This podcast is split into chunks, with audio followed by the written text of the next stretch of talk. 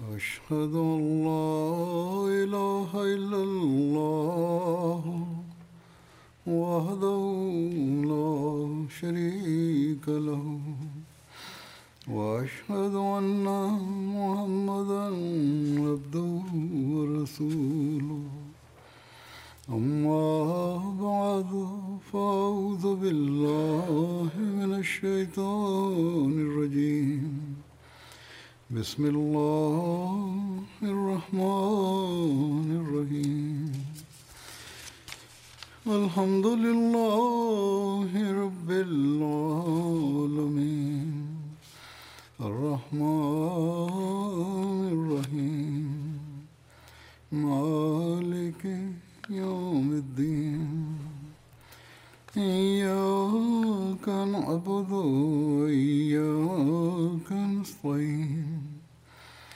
اهدنا الصراط المستقيم صراط الذين أنعمت عليهم غير المغضوب عليهم ولا الضالين اليوم هو آخر جمعة في شهر رمضان هذا. لقد انقضى شهر رمضان. كثيرون منا يكونون قد خططوا للقيام بالعبادة في رمضان ولإحداث تغييرات طيبة في أنفسهم. ولكنهم لم يستطيعوا العمل بخططهم كما أرادوا. وقد كتب لي العديد هذا في رسائلهم هذا اليوم الذي هو آخر أيام رمضان أيضا سينقضي بعد بضع ساعات. إن يوم الجمعة هو اليوم المبارك الذي تكون فيه ساعة يجاب فيها الدعاء خاصة.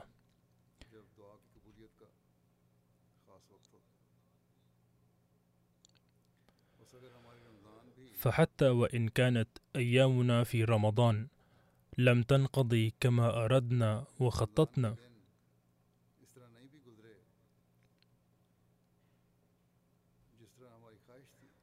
أو كما يجب أن تنقضي أيام المؤمن.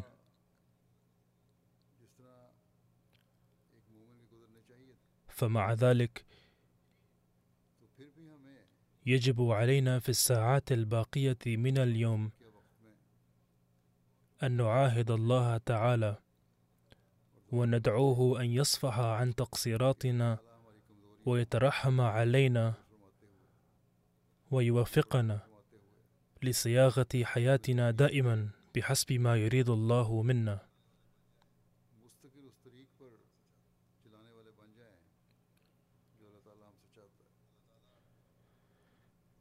إن الله تعالى رحيم كريم. وإنه لم يقل بأن هناك ساعة في يوم الجمعة في شهر رمضان فقط هي الساعة استجابة الدعاء.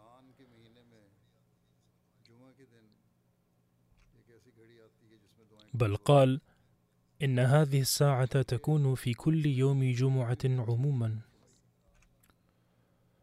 فلو أننا عاهدنا الله تعالى في دعواتنا اليوم على أننا سوف نسعى بعد شهر رمضان أيضا لرفع مستوى تقوانا. وسوف نجتهد للفوز بقرب الله تعالى. وسوف نخلص عباداتنا لله تعالى حتى الجمعة التالية. ثم سوف نزين الأيام التي هي بين كل جمعة وأخرى بالعبادات وصالح الأعمال.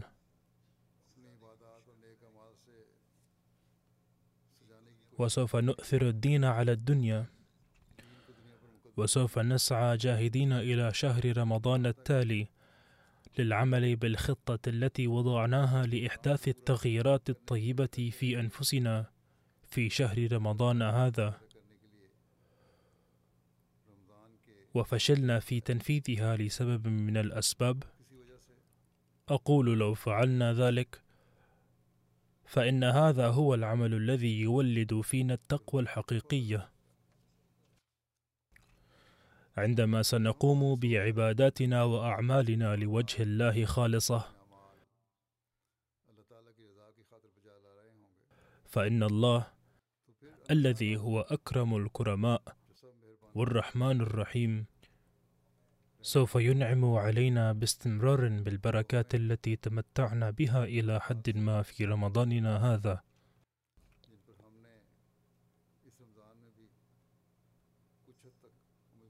فالتقوى هو الشيء الحقيقي. والمهم هو العمل بأحكام الله تعالى مداومين ومثابرين. المهم هو خشية الله والفوز برضا الله تعالى. فلو فزنا بهذا المرام ولم نرجع ثانية إلى حياة حب الدنيا التي تنسينا إيثار الدين على الدنيا.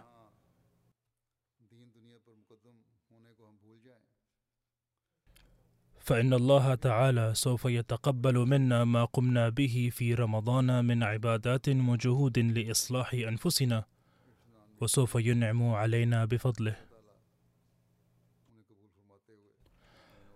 هذا هو الأمر الأساسي الذي يجب أن نجعله نصب أعيننا كل حين.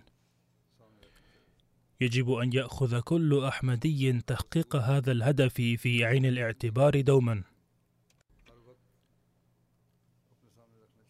فإذا قضينا حياتنا متحلين بالتقوى وساعين للفوز برضا الله تعالى.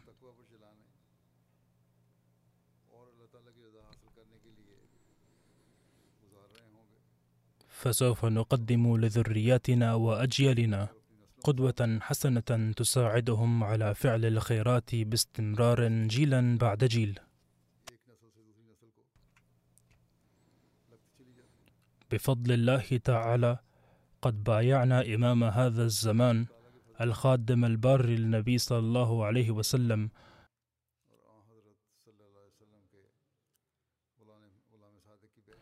وملخص الشروط التي بايعنا عليها.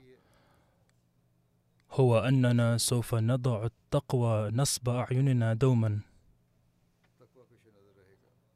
وقد أوصانا بها المسيح الموعود عليه السلام مرة بعد أخرى. لكي تحدث في حياتنا تلك الثورة التي لا تبقى فينا لشهر واحد فقط في ایک أو التي لا نسعى لإحداثها في شهر واحد في السنة. لا شك أن الله تعالى قد هيأ لنا في شهر رمضان نظاما ومناخا تربويا لرفع مستوى تقوانا. ولكنه قد فعل ذلك لكي نبلغ بعد كل رمضان المستوى الأعلى من ذي قبل باستمرار. وليس أن نسقط بعد رمضان إلى المستوى الأدنى منه الذي كنا فيه من قبل.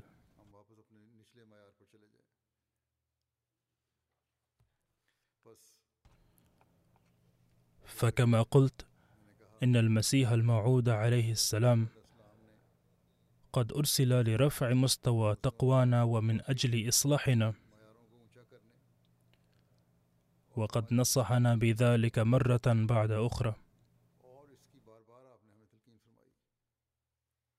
فقال ذات نے لقد أرسلت لكي يرجع زمان الصدق والحق والإيمان ثانية ولكي تتولد التقوى في القلوب. فهذه هي الأفعال التي هي غاية بعثتي وهدف مجيئي. لقد أخبرت أن السماء ستقترب من الأرض بعد أن ابتعدت عنها كثيرا. فهذه هي الأمور التي ينبغي أن نضعها نصب أعيننا دائما. إن عصره عليه السلام القائم على الخلافة على منهاج النبوة ممتد إلى يوم القيامة وفق نبأ الرسول صلى الله عليه وسلم. وإن أتباعه هم الذين سيحافظون على إيمانهم ويبلغون أعلى مستويات الإيمان ثابتين على الحق. ولكن هذا لن يأتي بالحسنات التي نعملها في شهر واحد أو التي ننويها فيه أو بشغف الخاص بالعبادات أو عمران المساجد خصيصا لمدة شهر واحد. كلا بل ما دمنا قد آمنا بالحق. وصدقناه وبايعنا المسيح الموعود عليه السلام على أنه هو المسيح الموعود والمهدي المعهود. فلا مناص لنا من السعي الحثيث المستمر لرفع معايير إيماننا. ولو فعلنا ذلك دخلنا في زمرة قوم يحظون بعلاقة خاصة بالمسيح الموعود ويدركون الهدف من البيعة ويسعون لأداء حق البيعة. وهم الذين قد قال الله للمسيح الموعود عليه السلام فيهم إني معك ومع أحبتك.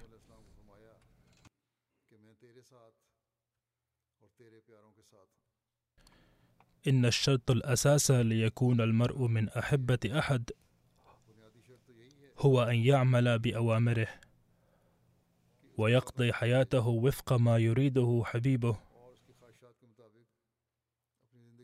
لقد أعلن الله هنا أنه مع أحبة المسيح الموعود عليه السلام.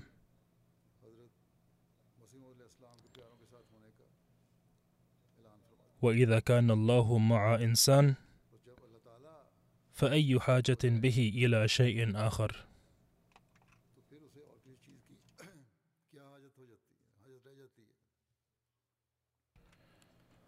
فالسعداء منا الذين قد بلغوا في إيمانهم ذلك المستوى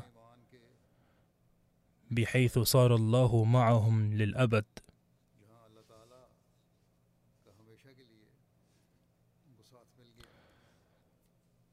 فمن تيسرت له معية الله فقد فاز في الدنيا والآخرة فوزا عظيما.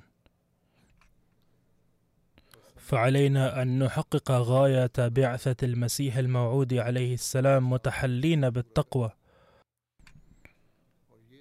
وهذا لن يأتي لنا ما لم نسعى للفوز برضا الله تعالى مثابرين بدون انقطاع.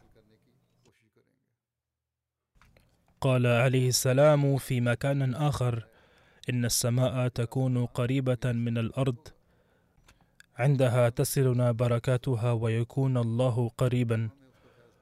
وذلك حين نسلك في ضوء القرآن والسنة طريقا بينه لنا سيدنا المسيح الموعود عليه السلام بكل وضوح.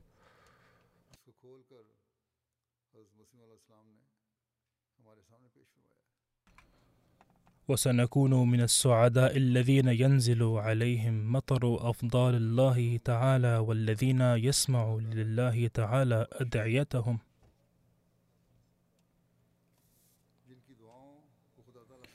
وعندما ننظر هذه المشاهد في حياتنا سندعو الآخرين أيضا بثقة كاملة ونقول لهم إن كنتم تريدون أن تنشئوا علاقة حية مع الله وتريدون أن تقووا إيمانكم فتعالوا وآمنوا بخادم صادق للنبي صلى الله عليه وسلم.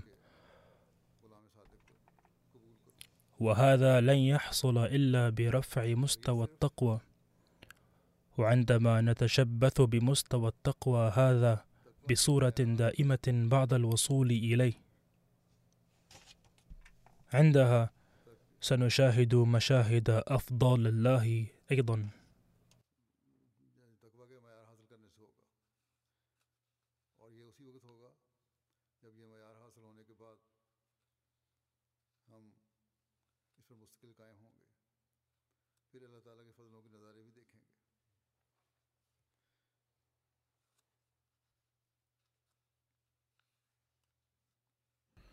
فالذين يدركون هذا المبدأ من بيننا. وأوصلوا حياتهم إلى مستوى التقوى والحسنة.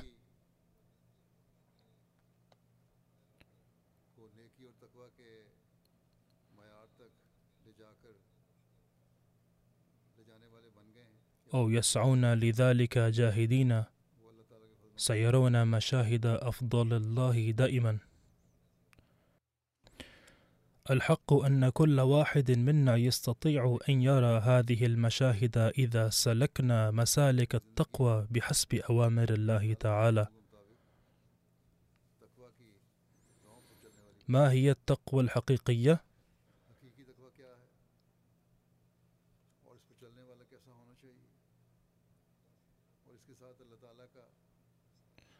يقول المسيح الموعود عليه السلام بهذا الشأن: التقوى الحقيقية لا تجتمع مع الجهل قط. إذا المبدأ هو أن المتقي لا يكون جاهلا. المتقي الحقيقي يكون عابدا لله. وإلى جانب ذلك يؤدي حقوق العباد أيضا.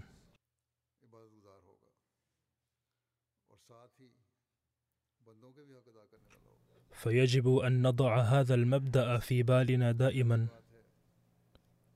ثم يقول عليه السلام إن التقوى الحقيقية تكون مصحوبة بالنور كما يقول الله جل شأنه.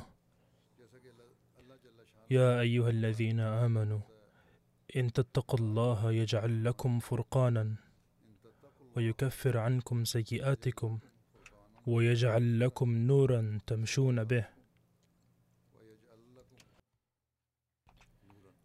أي إذا داومتم على التقوى أيها المؤمنون وتمسكتم بها وثبتتم عليها لوجه الله.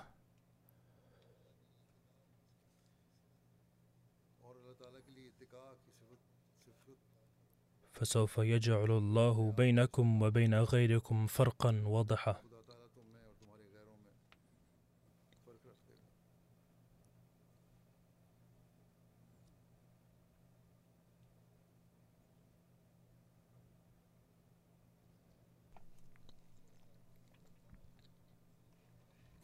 لقد بين المسيح الموعود عليه السلام هنا تفسيرا للتقوى. وقال بأن عليكم أن تتمسكوا لوجه الله بصفة الاتقاء ثم ثبتتم عليها وداومتم سوف يجعل الله لكم نورا. فيقول وستعطون نورا تسلكون به في جميع مسالككم بمعنى أن ذلك النور سيعم أفعالكم وأقوالكم وقواكم وحواسكم. فسيكون في عقولكم نور وفي كل ما تقولونه تخمينا النور. وفي عيونكم نور وفي آذانكم نور وفي لسانكم نور وفي كلامكم نور وفي كل حركة من حركاتكم وسكناتكم نور. والسبل التي تسلكونها ستصبح نورانية. فباختصار ستملا كافة السبل لقواكم وحواسكم نورا وستمشون في النور كليا. فهذا هو المقام الذي يجب على المتقي أن يصل إليه.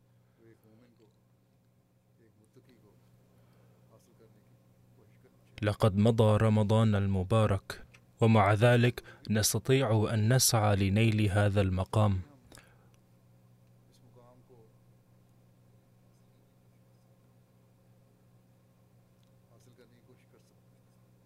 ومن وصل إلى مقام حيث يكون الله تعالى مسيطرا على كل قوله وفعله كان سعيدا. يجب أن يكون كل عمل من أعمالنا لنيل رضا الله تعالى بما فيها مشينا وقيامنا وقعودنا. باختصار يجب أن يكون كل فعل من أفعالنا ابتغاء لوجه الله تعالى. وإذا حصل ذلك عندها فقط نكون من الفائزين بنصيب من نور الله وسيكون هدفنا هو نيل رضا الله تعالى بدلا من الطمع في ملذات الدنيا. ففي هذه الحالة نكون ممن يحققون الهدف من بعثة المسيح الموعود عليه السلام. ونكون موفين بعهدها جاهدين ولو كنا لا نريد أن نجعل هذا التغير الحسن جزءا من حياتنا ولا نسعى له لكان ادعاؤنا باطلا.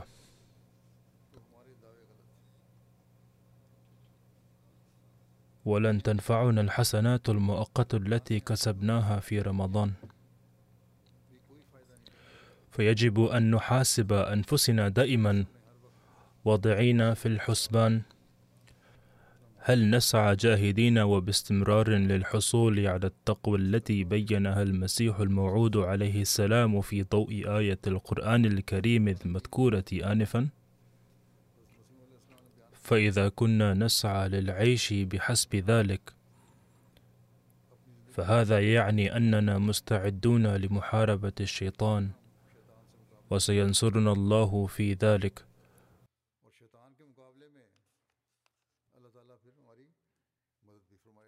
ويخيب كل هجمة من هجمات الشيطان. من المعلوم أن الشيطان محيط بالناس في هذا الزمن من كل حدب وصوب، ولا يمكن الخروج من مخالبه دون نصرة الله. والمعلوم أيضا أن نصرة الله تحالف السالكين على مسالك التقوى.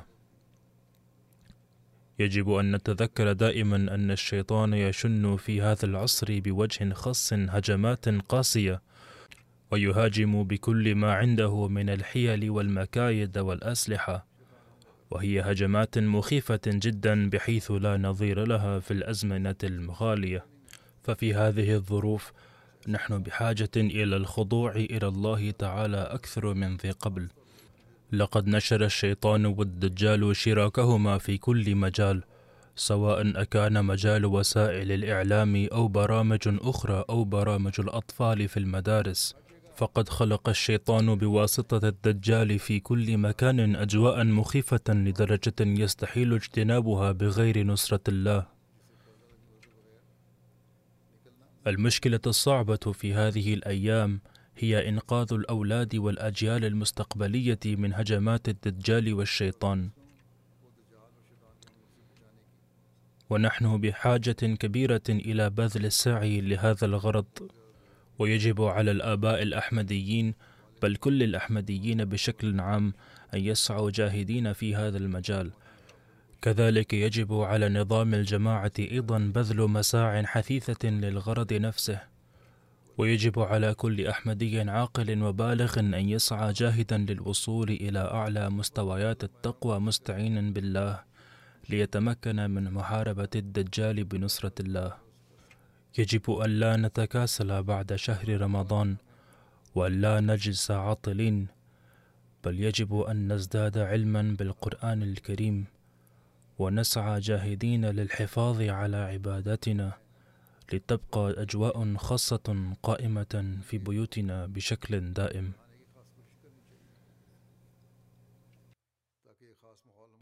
كما ينبغي أن نركز على الدعاء بوجه خاص لتجنب هجمات الشيطان والدجال.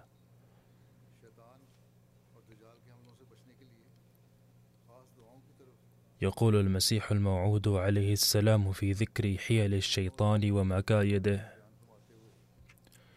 اعلموا أن الدجال يطلق في الحقيقة على مظهر الشيطان ومعناه المضل عن طريق الهداية. ولكن قد ورد في الكتب السابقة عن الزمن الأخير أنه ستكون عندئذ حروب كثيرة ضد الشيطان. ولكنه سيكون مغلوبا في نهاية المطاف. فقد أعطى أملا أنه إذا تمت مقاومة الشيطان بالسلوك على دروب التقوى فسيصبح الشيطان مغلوبا. وصحيح أن كل نبي غلب الشيطان في عصره إلا أن ذلك كان مجازيا وجزئيا فقط. وأما أن يكون مغلوبا في الحقيقة فذلك كان مقدرا على يد المسيح. ولقد وعدني الله سبحانه وتعالى بالغلبة لدرجة أن قال تعالى بحقي جاعل الذين اتبعوك فوق الذين كفروا إلى يوم القيامة. أي سأجعل أتباعك الصادقين غالبين على غيرهم إلى يوم القيامة. فلنكون أتباعا صادقين لا بد لنا من العمل بتعليمه والاتقاء. باختصار إن الشيطان في هذا العصر الأخير يستنزف جهوده في المعركة لكن الانتصار الأخير مقدر لنا إن شاء الله. فقد وعد الله سبحانه وتعالى المسيح الموعود أيضا أنه سيحميه من هجمات الدجال ويمكنه من الانتصار. فقد تلقى هذا الإلهام مرتين أو ثلاثة. ولن يجني من ذلك فائدة حقيقية إلا الذين يطيعونه في الحقيقة ويعملون بتعليمه بصدق.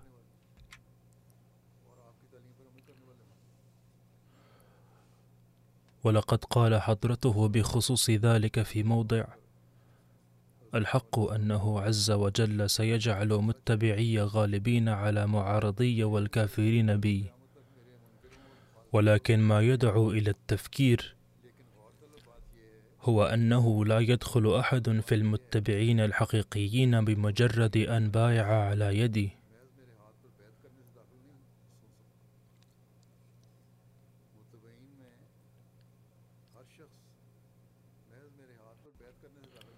بل لا يدخل في المتبعين ما لم يحدث في نفسه جميع مقومات الاتباع.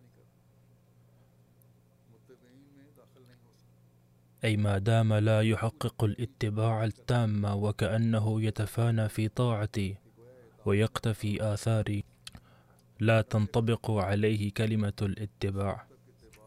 من هنا يظهر أن الله تعالى قد قدر لي جماعة يتفانون في طاعتي ويطيعونني طاعة كاملة.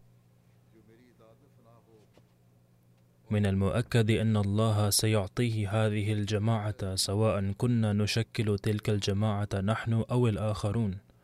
ويتحقق ذلك اليوم أو غدا أو بعضهم قد خلوا وبعضهم منا أو كثير منا. فهذه الجماعة مقدرة له عليه السلام فهذا وعد من الله. فهذه الكلمات تهز كياننا وثمة حاجة ماسة لنفحص معايير اتباعنا. لنعرف هل نرث هذه الأدعية التي رفعها المسيح الموعود عليه السلام لجماعته وأتباعه الصادقين.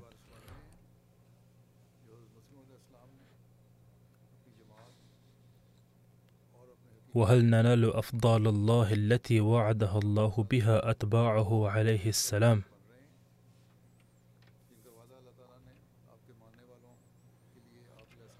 وهل نسعى لإحراز معايير التقوى التي كان يريد سيدنا المسيح الموعود عليه السلام أن يراها في أبناء جماعته؟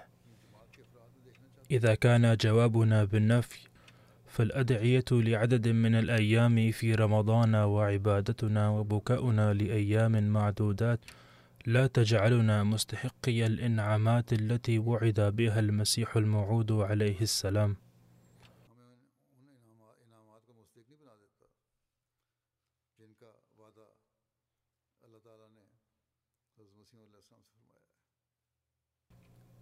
ثم يقول حضرته في كتابه سفينة نوح فليكن واضحا أن إقرار البيعة باللسان وحده لا يعني شيئا. ما لم يكن معه العمل الوافي بعزيمة القلب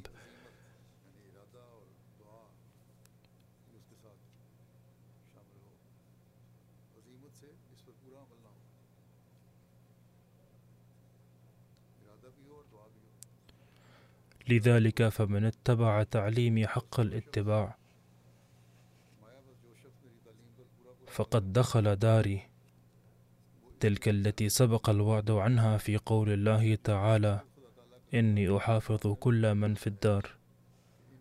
أي سأحمي كل من يدخل حظيرة دارك. إذا قد أطلعنا المسيح الموعود عليه السلام على هذه الوسيلة لاجتناب كل مشكلة وبلاء ومصيبة.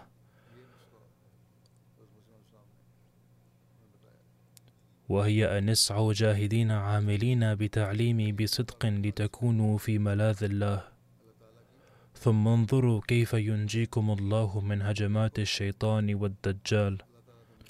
بل سوف يزودنا الله سبحانه وتعالى بأسلحة نغلب بها الشيطان.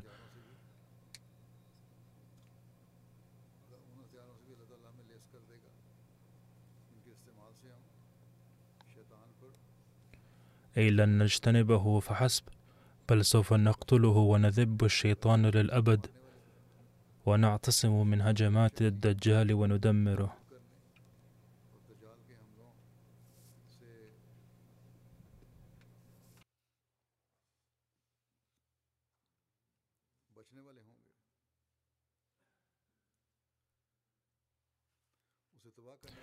فقد قال سيدنا المسيح الموعود عليه السلام في موضع والجدير بالتذكر أن موته أي موت الشيطان لا ينحصر في التفوه باللسان قد مات الشيطان فيموت.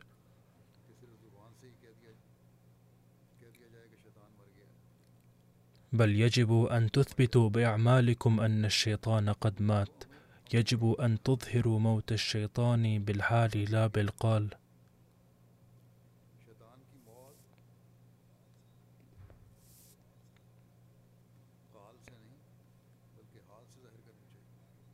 أي لا تعلنوا موت الشيطان بأفواهكم فقط بل يجب أن يتجلى من كل فعل وعمل ووضع لنا أننا نقتل شيطاننا.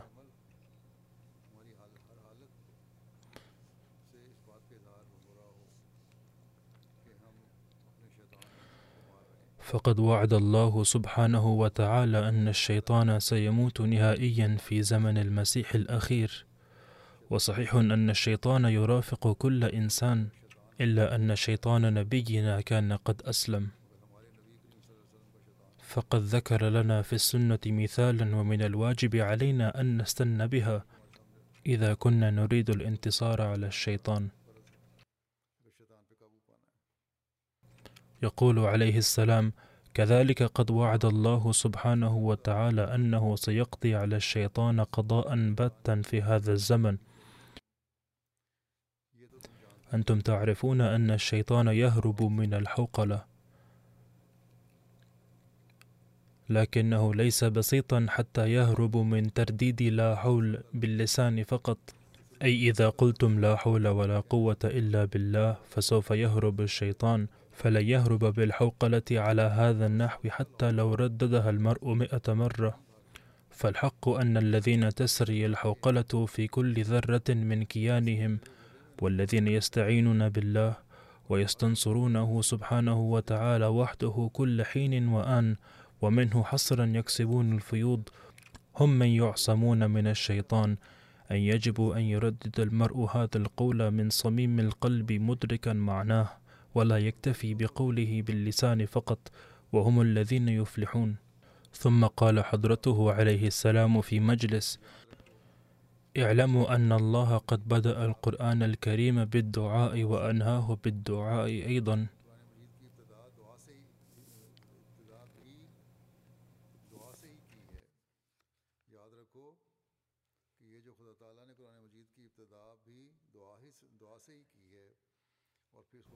فمعناه أن الإنسان ضعيف جدا لدرجة أن لا يسعه التطهر دون فضل الله.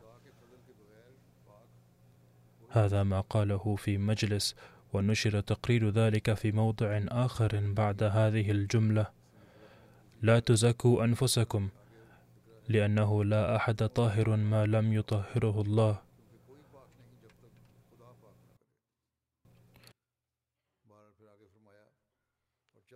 لا يمكنه التقدم على درب الصلاح أي أن السير على درب الصلاح والبر ثمة حاجة لنصرة الله.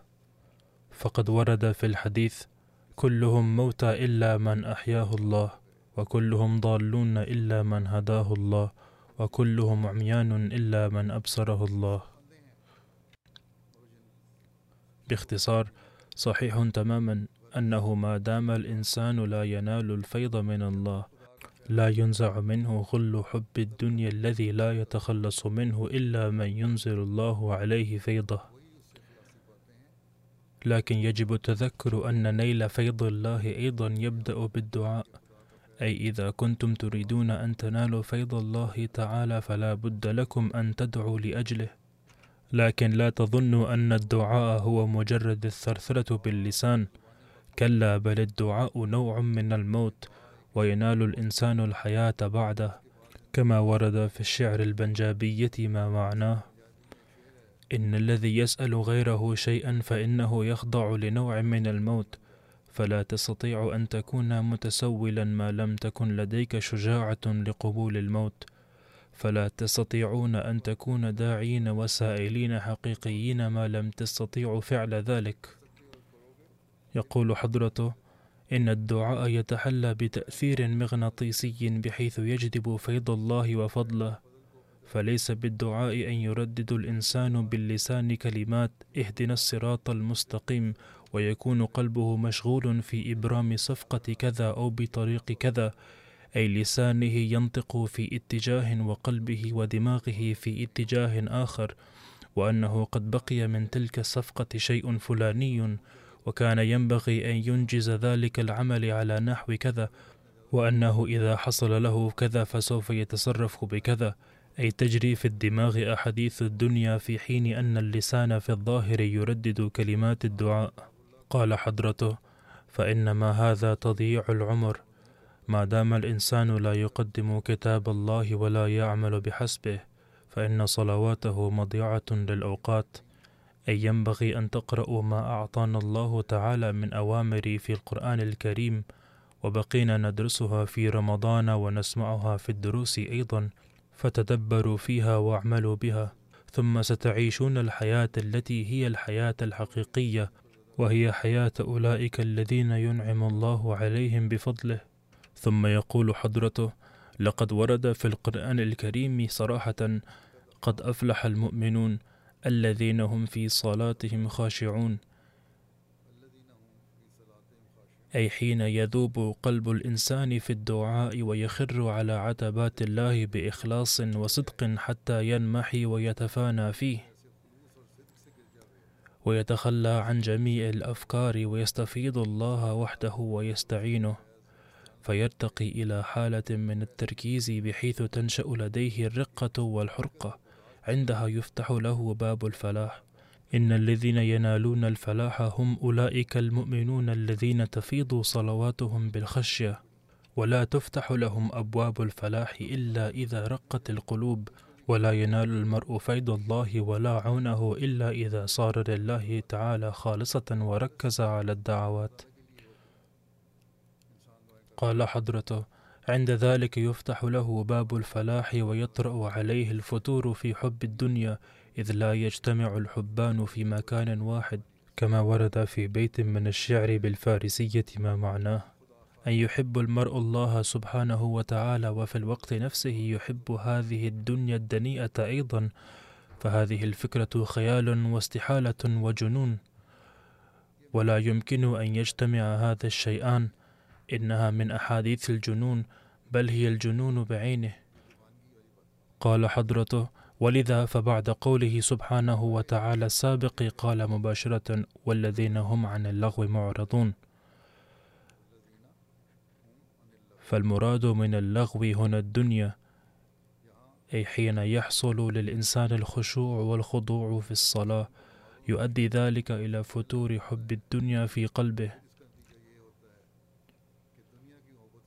لكن ذلك لا يعني أنه يترك الزراعة والتجارة والوظيفة وغيرها من الأعمال بل يبدأ الإعراض عن أعمال الدنيا التي تخدعه وتغفله عن الله. أي يجتنب مثل هذه الأعمال التي تخالف أحكام الله تعالى.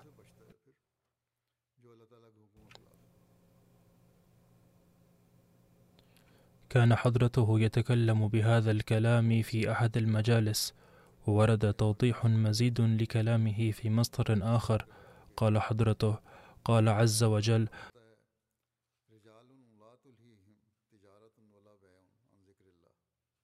رجال لا تلهيهم تجارة ولا بيع عن ذكر الله. أي لنا عباد لا ينسوننا لحظة حتى لدى انشغالهم في أعمال التجارة الهائلة أيضا. أي أنهم لا ينسون الله تعالى أثناء انشغالهم في أعمالهم أيضا. يقول حضرته فصاحب العلاقة بالله تعالى لا يسمى ماديا بل المادي هو من لا يذكر الله.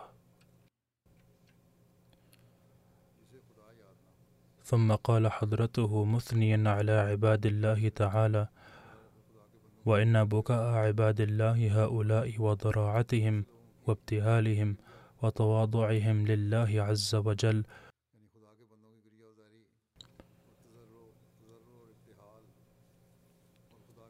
يمكنهم من إيثار حب الدين على حب الدنيا والجشع والحرص والبحبوحة والرفاهية. هذا هو تعريف لمبدأ إيثار الدين على الدنيا لأن من القاعدة أن عملا صالحا يجذب عملا صالحا آخر كما أن الفعل السيء يرغب في عمل سيء آخر. فعندما يتضرع هؤلاء ويخشعون في صلواتهم فهذا يؤدي بالضرورة إلى إعراضهم الطبعي عن اللغو ويتخلصون من هذه الدنيا القذرة ويفتر فيهم حب الدنيا وينشأ فيهم حب الله. أي أن صلواتهم تؤدي بهم إلى كسب حسنات أخرى ولا تكون الدنيا مقصودهم رغم انشغالهم بتجارات الدنيا. كما ذكرت ذلك في الخطب السابقة ضمن شرح لا إله إلا الله أن الله تعالى وحده يصبح مقصودهم ومطلوبهم ومحبوبهم. باختصار هذه هي المستويات التي ينبغي أن نحققها لقتل شيطاننا. وعند ترديدنا الحوقلة لطرد الشيطان ينبغي أن يترسخ في أذهاننا أن الله تعالى هو مالك جميع القوى والقدرات.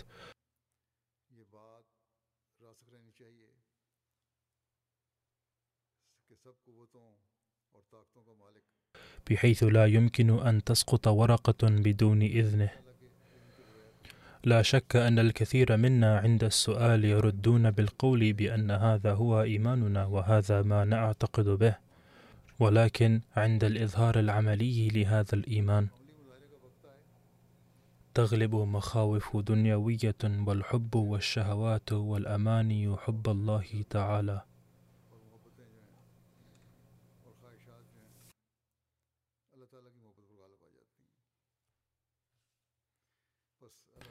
خلاصة القول ينبغي أن يكون إيماننا بالله وعبادتنا الحقيقية له.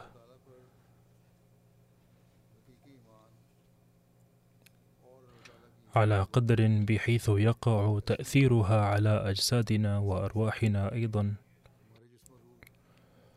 فإذا حققنا مثل هذه المستويات في العبادة فلا بد أن تترقى أخلاقنا الأساسية والظاهرة أيضا وتتطهر قلوبنا وعقولنا وأرواحنا أيضا.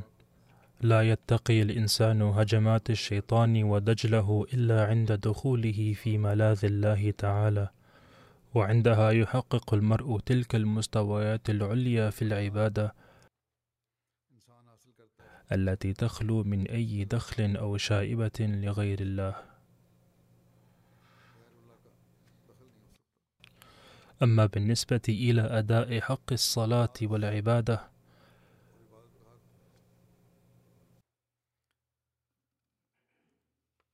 فينبغي أن نضع في حسباننا أيضا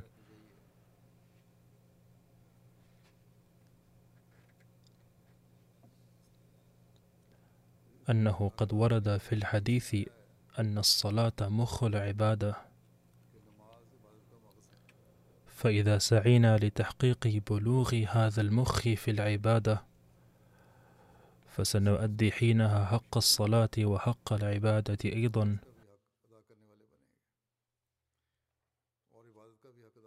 وننال قرب الله تعالى.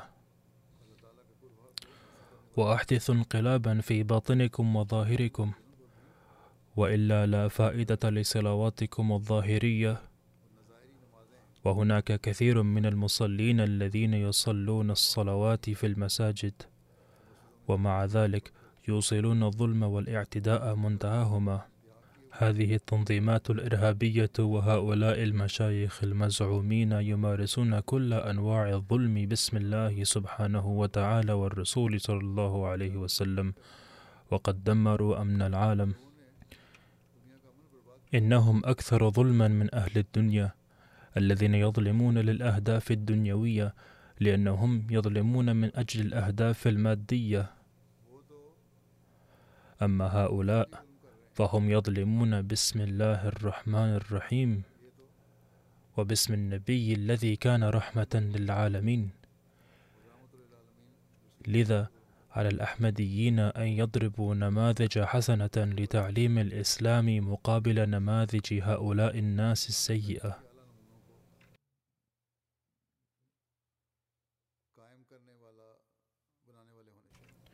ويجب أن تتسبب صلواتنا وعباداتنا ودعواتنا في نيل رضا الله تعالى. لو حققنا هذه الغاية لأدينا حق مبايعتنا للمسيح الموعود عليه السلام واستفدنا من بركات رمضان أيضا. كيف ينبغي أن تكون صلواتنا وكيف يمكن أداء حقها؟ قال المسيح الموعود عليه السلام في هذا الخصوص. يجب التذكر أن المصاعب تهون بالصلاة فقط.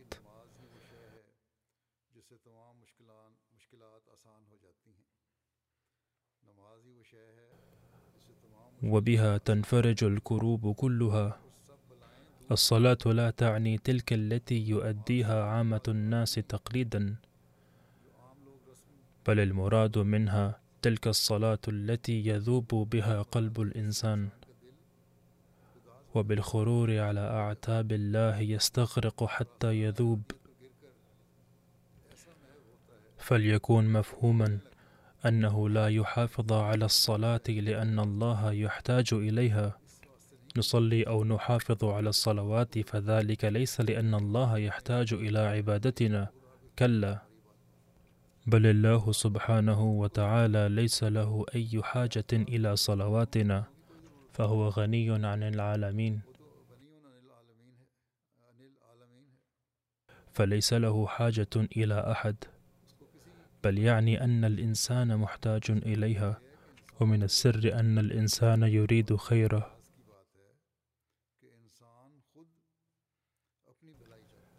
الإنسان يريد الخير لنفسه هذه هي الحقيقة ولذلك يستعين بالله. لأن من الحق أن نشوء علاقة الإنسان بالله سبحانه وتعالى عبارة عن فوزه بالخير الحقيقي. فلو صار العالم كله عدوا لمثل هذا الإنسان وعزم على هلاكه فلا يستطيع أن يضره أيما ضرر. فالله سبحانه وتعالى إذا احتاج إهلاك الملايين من الناس من أجل هذا الإنسان فهو يهلكهم فمن أجل هذا الواحد يفني الملايين. قال عليه السلام تذكروا أن الصلاة شيء تتحسن به الدنيا والدين أيضا. إذا كان الإنسان يصلي لوجه الله تعالى ويؤدي حقها نال كلا الشيئين. لكن الصلاة التي يؤديها معظم الناس هي تلعنهم. وفقنا الله تعالى لأداء حق الصلوات وألا تكون صلواتنا مما يسخط الله تعالى وأن نكون ممن يرثون إنعامات الله تعالى. ونتعلق بالله تعالى حتى ننال نصيبنا من وعود الله تعالى التي قطعها مع حضرة المسيح الموعود عليه السلام. وأن نعود أولادنا أيضا على العبادات التي تضمن بقاءهم وبقاء الأجيال القادمة.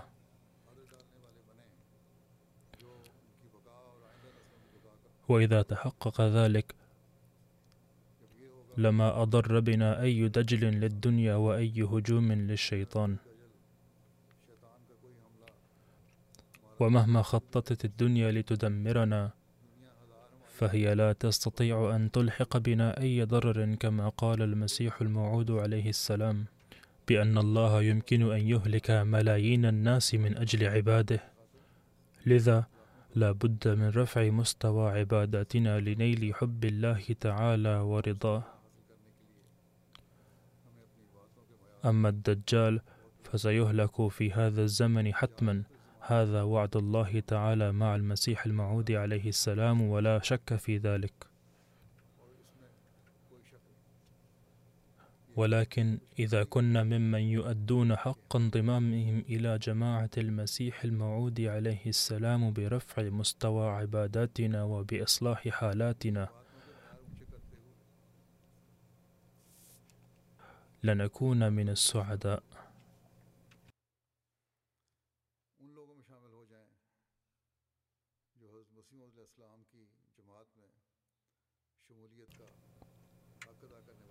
ولأداء هذا الحق قد بين المسيح الموعود عليه السلام وصفة أيضا وهو البكاء والتضرع والابتهال.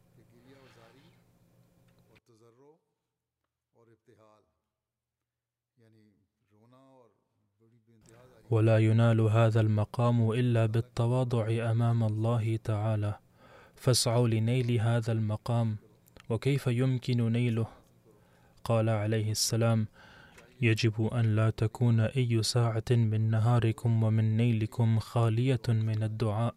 فإذا كانت هذه حالتنا لورثنا أفضل الله تعالى ولكان كل هجوم شيطاني وهجوم دجالي فاشلا وخاسرا وفقنا الله تعالى لنعيش حياتنا عاملين بتعاليم الإسلام ورسوله وبحسب مراد المسيح الموعود عليه السلام وأن نكون ممن يؤدون حق بيعتنا وأن يكون هدفنا نيل رضا الله تعالى وأن نتعهد بأننا لن نرتاح حتى نحدث في أنفسنا مثل هذه التغييرات الطيبة التي تحول حالاتنا وفق مرضاة الله تعالى.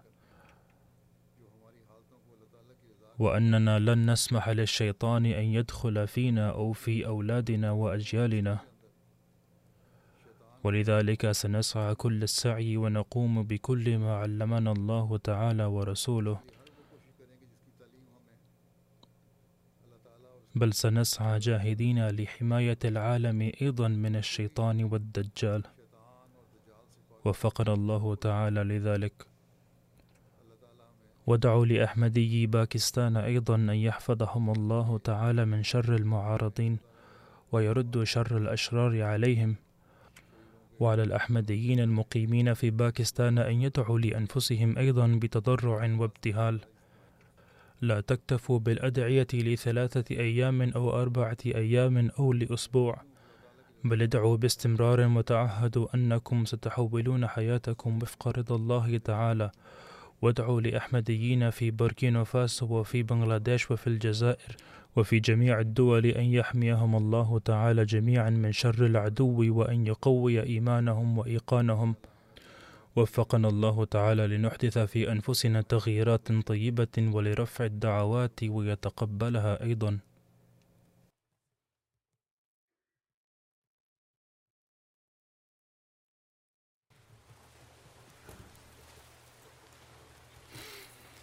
الحمد لله الحمد لله نحمده ونستعينه ونستغفره ونؤمن به ونتوكل عليه ونعوذ بالله من شرور أنفسنا ومن سيئات أعمالنا. من يهده الله فلا مضل له ومن يضلل فلا هادي له ونشهد ان لا اله الا الله ونشهد ان محمدا عبده ورسوله عباد الله رحمكم الله إن الله يأمر بالعدل والإحسان وإيتاء ذي القربى وينهى عن الفحشاء والمنكر والبغي يعظكم لعلكم تذكرون اذكروا الله يذكركم ودوه يستجب لكم ولذكر الله أكبر